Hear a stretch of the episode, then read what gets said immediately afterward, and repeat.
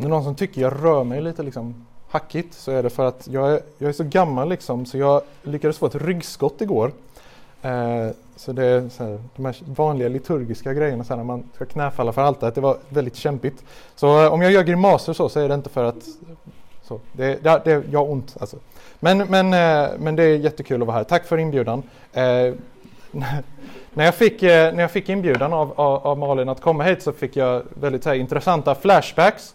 Eh, när, när hon frågade om jag kunde komma hit och predika på lägret. Och, och framförallt då, när, eller, det var på grund av att hon sa att temat för det här lägret eh, skulle vara bön. Och flashbacken kom då för mig att det måste varit det mest oattraktiva temat för ett läger som jag kunde tänka mig när jag var i er ålder. Eh, för bön associerade jag till två saker. Det ena var dåligt samvete. Så jag hade liksom blivit, fått en kristen tro i, i tonåren genom konfirmationen. Eh, så jag eh, förstod att det innebar saker, det borde liksom få konsekvenser för mitt liv, hur jag beter mig. Eh, bland annat, eh, jag borde be. Eh, framförallt, jag borde be enskilt, inte bara under andakten på ungdomsgruppen. Eh, så det var det första jag associerade bön till i, er ålder. Eh, det var dåligt samvete, för jag visste att jag borde be, men jag gjorde det inte. Och det andra var helt enkelt så här, jag tyckte bön var rätt tråkigt eh, jag hade fått liksom insikter i vad tron innebar. Det fanns saker jag tyckte var rätt häftigt och intressant med den kristna tron. Det eh, fanns saker som liksom tände iven i mig och eh, tyckte att vi borde få lära oss mer om lovsång, mer om helig ande, eh, mer om hur, hur, hur, jag faktiskt ska leva som, som, som kristen, mer om nattvarden. Så men, men bön, det tyckte inte jag var lika häftigt, så jag undvek sådana seminarier och eh, gick till något annat istället. Så, så så det var när jag var i, i, i er ålder. Förmodligen har ni andra uppfattningar eftersom ni varit på sånt här läge nu i några dagar. Så ni är förhoppningsvis riktigt on fire för bön eh, och längtar efter att få hänge er åt bönen när ni kommer hem. Men om du på någon liksom, nivå kan, kan, kan relatera till det jag presenterade nyss eller du kanske kommer få de tankarna någon gång i livet så är den här predikan till dig. För vi ska titta på Matteusevangeliet och vi ska få ett nytt perspektiv på bönen. Och vi ska lära oss att bön inte ska få sin näring från dåligt samvete utan av Guds löften.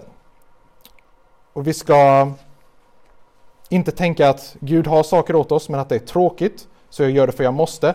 Utan vi ska se att Gud har gåvor att ge till den som ber. Så om du har en bibel, Matteus evangeliet kapitel 7, verserna 7 till 11. Matteus 7 börjar i vers 7. Jesus sa Be och ni ska få. Sök och ni ska finna. Bulta och dörren ska öppnas för er. För var och en som ber han får och den som söker han finner och för den som bultar ska dörren öppnas. Vem av er ger sin son en sten när han ber om bröd eller en orm när han ber om fisk? Om nu ni som är onda förstår att ge goda gåvor till era barn, hur mycket mer ska då inte er far i himlen ge det som är gott till dem som ber honom? Så lyder det heliga evangeliet. Lovad vare du Kristus. Okej, okay, två saker som vi ska titta på i den här texten. Vi ska titta på Guds löften om bön, vi ska titta på Guds gåvor i bönen. Och de här punkterna överlappar rätt mycket, men det är vad, vad, vad den här texten handlar om. Men vi kan stanna först upp, ta reda på var, var befinner vi oss i, i, i Bibeln. Vi befinner oss här i bergspredikan. Jesus närmar sig slutet av eh, den här bergspredikan som tar upp en stor del av Matteus evangeliet. Och temat för hela bergspredikan är Guds rike. Det är temat. Och Jesus säger flera gånger i evangelierna Guds rike är nära. Han säger Guds rike är inom er. Guds rike är där, där Guds vilja sker, där kristna lärjungar lever ut sin tro, sin förtröstan och sitt hopp. Där en kristen finns, där Guds vilja sker, där finns Guds rike. Och Bergspredikan, om ni läser den, kapitel 57 i Matteusevangeliet, så kommer ni märka att det är en väldigt praktisk predikan av Jesus. En väldigt praktisk undervisning. Eh, där, där han förklarar hur han förväntar sig att vi som lärjungar ska leva i det här riket. Alltså hur vi kristna faktiskt ska leva ut vår tro.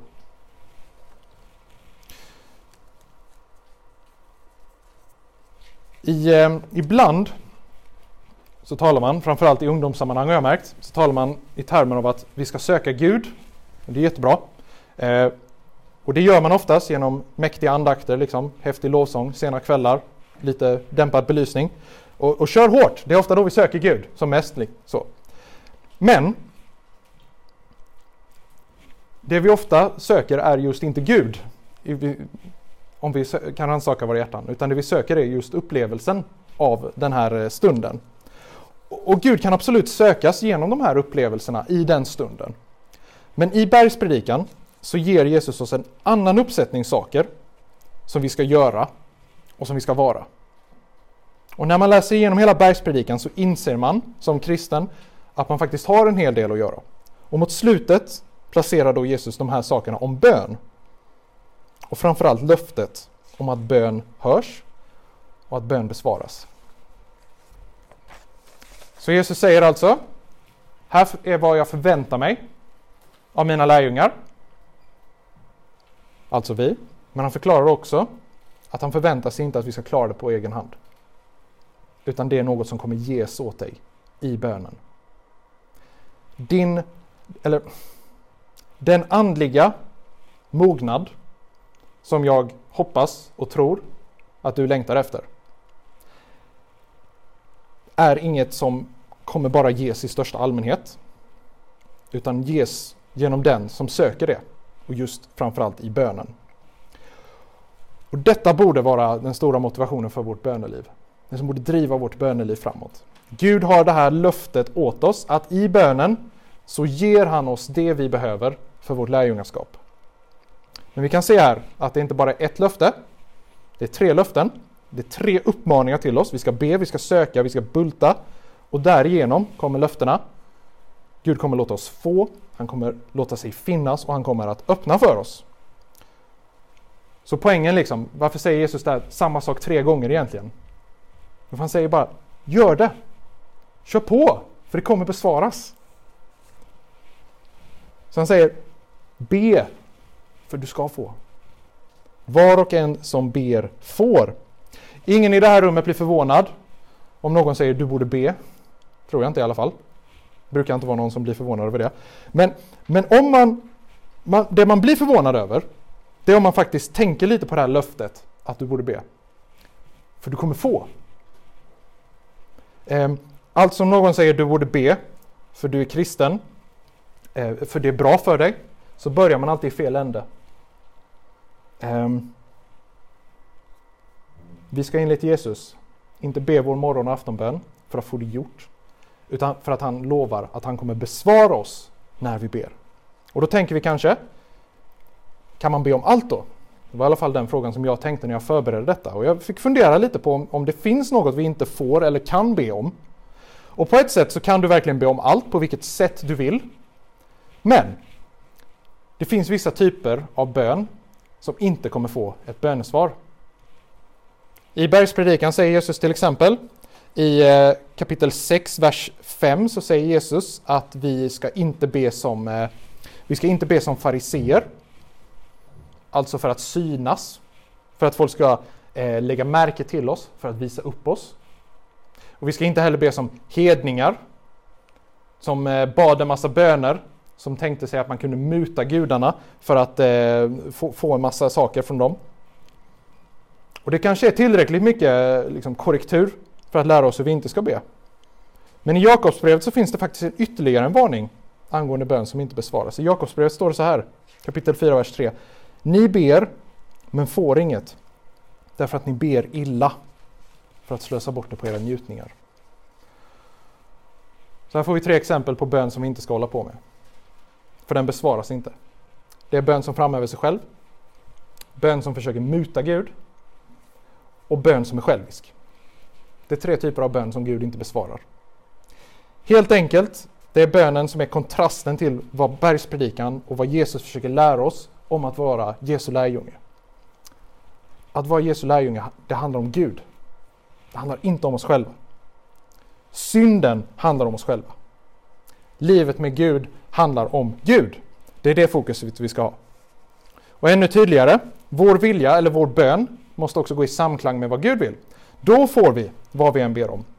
I första Johannesbrevet 5 så står det så här att om vi ber om något efter hans vilja så hör han oss.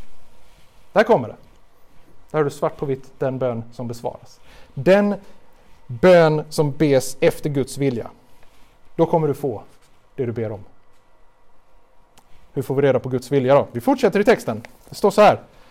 Sök och du ska finna.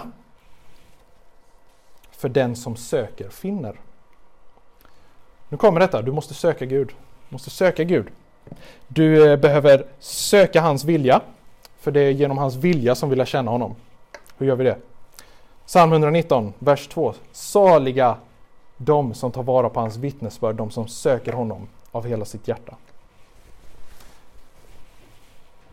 Det är så enkelt, så det här kan ni egentligen redan. I Guds vittnesbörd, vad är det han pratar om? Han pratar om Bibeln. Guds uppenbarelse, Guds ord. Där har Gud uppenbarat sin vilja. Han har uppenbarat för oss vem han är. Så på så vis är Bibeln ett vittnesbörd om Gud. Det är vad det betyder. Och han säger salig, alltså lycklig är den som söker honom i detta vittnesbörd av hela sitt hjärta. Varför? Jo, vi tillämpar Jesu ord. Om du söker honom där han låter sig finnas, då kommer du också att finna honom. Då kan man slå ihop de här sakerna. Nu ska jag ge er en jättepraktisk sak. Nu slår vi ihop de här två sakerna. Gör din bibelläsning till ditt bönetillfälle. Be över det du läser. Ta fram din bibel när du, be, när du väl läser den, om det är på morgonen, kvällen, mitt på dagen, whatever. Be över det du läser. Läs det inte bara, utan ha ett samtal med Gud. Liksom, det här är Guds ord, han talar till dig därigenom. Prata tillbaka. Ta, ta, ta, liksom, ta det du, du läser och gör det till den här klassiska uppdelningen. Ni kan när eh, tack, förlåt, hjälp. Ha den i huvudet samtidigt som du läser. Säg tillbaka till Gud när du läser någonting som du tycker är bra. Tacka Gud för det. Fundera på vad, vad, betyder detta för mig? Vad betyder det? Vad är det du vill säga Gud? Jag vill tacka dig för det som du lär mig om dig själv, om, om mig genom detta.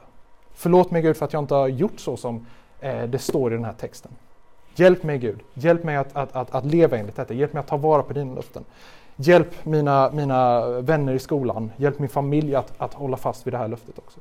Så har du ett samtal med Gud samtidigt som du söker Gud så, så eh, så uppenbarar han sin vilja. Och den typen av bön besvaras. Och det sökandet efter Guds vilja så kommer han låta sig finnas. Det var söka. Så vi har be, vi har söka och då har vi bultandet kvar. Bulta och dörren ska öppnas för er. Och för den som bultar ska dörren öppnas. Det handlar om uthållighet. Uthållighet. Om vi känner oss utestängda från någonting då går vi och knackar, bultar på dörren. Och eh, om vi verkligen vill in så fortsätter vi bulta, knacka tills någon öppnar.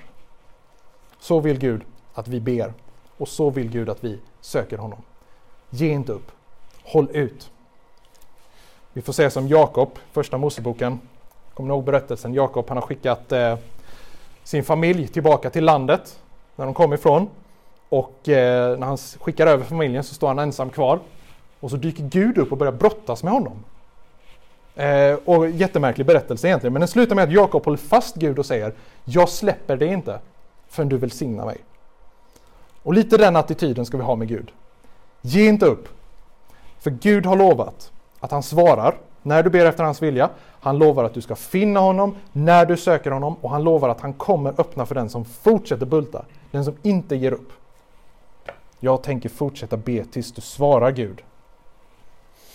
Be efter Guds vilja. Allt detta visar ju egentligen det som jag inledde detta med. Det här som vi kristna brukar ha dåligt samvete över. Nämligen just bönen, bibelläsningen och att gå i kyrkan. Eh, vi måste ju, om vi ska då ta vara på Gud där han låter sig finnas, så betyder det att vi måste exponeras för det.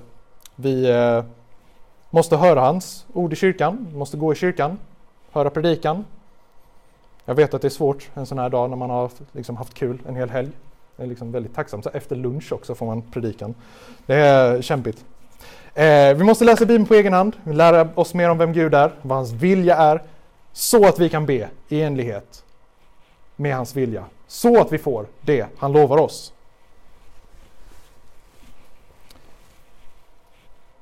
Så frågan är, längtar du efter detta? Hur mycket vill du ha det egentligen?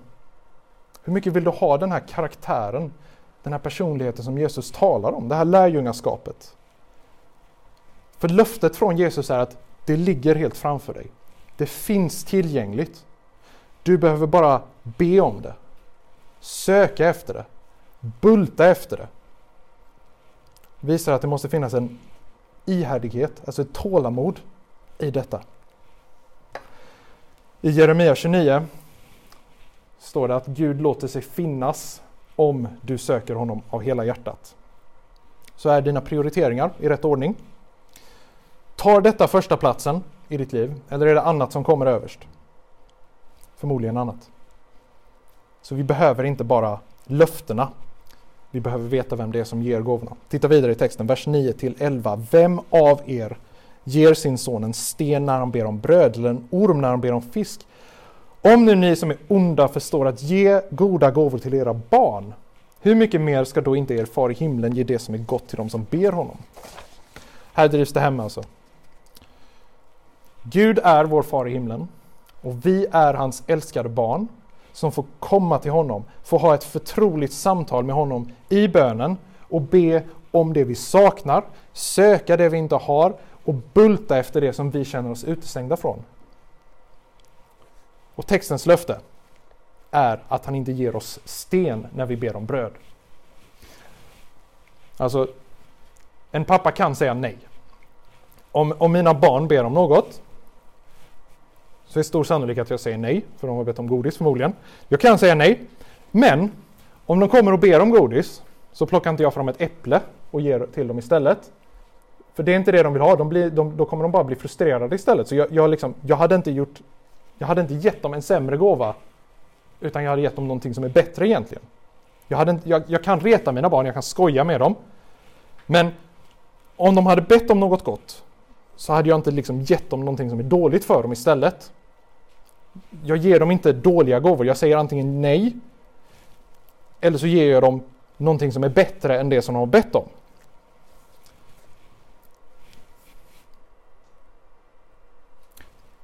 Men precis som med er erfarenhet med era föräldrar så, eh, så är det så här med Gud att man får inte alltid gåvorna när man själv tycker att man borde få dem.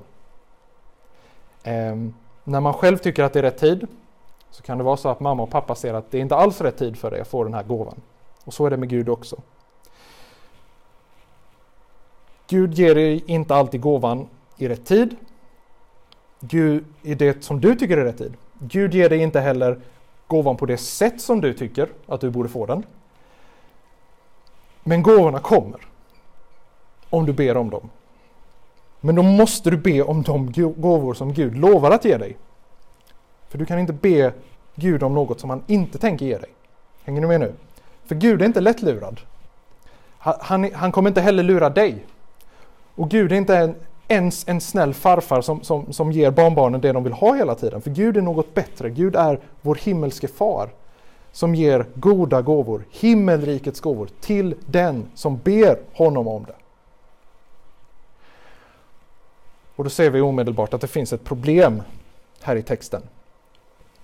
För Jesus säger att vi är onda. Det handlar såklart om synden. För även, eh, även syndiga föräldrar, som jag, som du också, vi har, vi har liksom fått någonting av Guds fadershjärta och vi vet att vi bör ge goda gåvor till våra barn. Och ändå är synden alltid med i bilden. Alltid är synden med. Och synden innebär att vi är onda. Och all bön, alla samtal vi har med Gud, alla böner vi ber, varje kvällsmöte på läger kommer vara präglad av den här ondskan, den här synden. Och synden, självcentreringen, gör att vi kommer bli besvikna på uteblivna bönesvar. Vi kommer bli bittra när vi ser att andra verkar ha det så lätt. Vi kommer bli frustrerade när det verkar som att Gud inte hör just våra böner. Och ändå står det att han ger oss gåvorna. Och varför känns det då hela tiden som att han inte gör det? Låt mig ge en liten illustration. Under Gamla Testamentets tid så väntade och bad Guds folk att Guds Messias skulle träda fram, uppfylla alla Guds löften och befria folket från all, all ondska. Det tog lång tid. De väntade och de bad väldigt länge. Och till slut gav Gud dem den största gåvan av alla. Han gav dem sin son när det var rätt tid. Den här gåvan såg inte ut som folket förväntade sig. Han betedde sig inte riktigt som folket förväntade sig att han skulle göra. För eh, den här gåvan umgicks med syndare. Han kritiserade de religiösa ledarna. Han körde inte ut romarna. Det slutade med att han dog. Och ändå var allt det som Jesus gjorde var för folkets bästa. Men på grund av folkets synd så kände de inte igen Messias. Inte för att han inte uppfyllde Guds löften, utan för att han uppfyllde helt enkelt inte deras förväntningar. Om nu Guds folk bad och väntade i hundratals år och inte kände igen den största och godaste, den bästa gåvan som Gud någonsin har gett. Skulle det kunna vara så att du inte heller känner igen bönesvaren i ditt liv? Jag tror att eh, det är ett hälsotecken när man känner sig frustrerad över sin andliga mognad. Det är Guds sätt att göra oss ödmjuka. För eh, andlig mognad, att växa som kristen, att eh, växa i sitt lärjungaskap, det är inte till för oss själva. Det är till för andra. Och därför behöver inte vi heller veta om den. Det räcker med att andra vet om den. Ett exempel, jag eh, lärde känna en tonåring ospecificerad ålder, försöker anonymisera lite, vi kan säga hon i alla fall.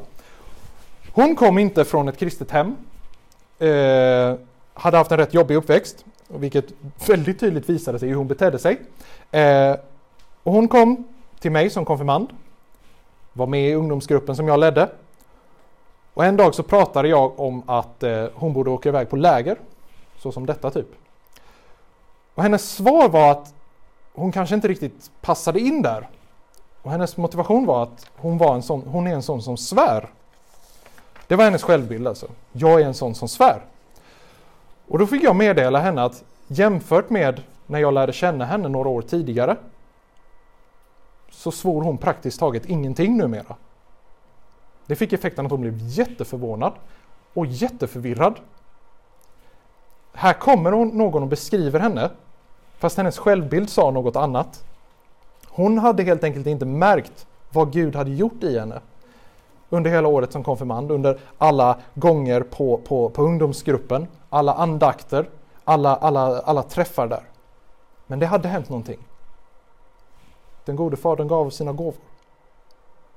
Den gode fadern gav henne gåvan att med sitt tal leva mer lik Kristus. Men hon såg det inte själv. För det var inte till för henne själv, det var till för andra. Och jag skulle tro, jag vågar slå vad om, att det ser likadant ut för dig. Gud har gjort så mycket i ditt liv som du aldrig ens kommer märka. Och ändå säger han löftet till dig idag, uppmaningen till dig idag. Det finns mer att hämta. Be, sök, bulta, så kommer han fortsätta ge. Din böneattityd måste förankras i löftet att Gud är din gode fader. Gud har goda gåvor att ge.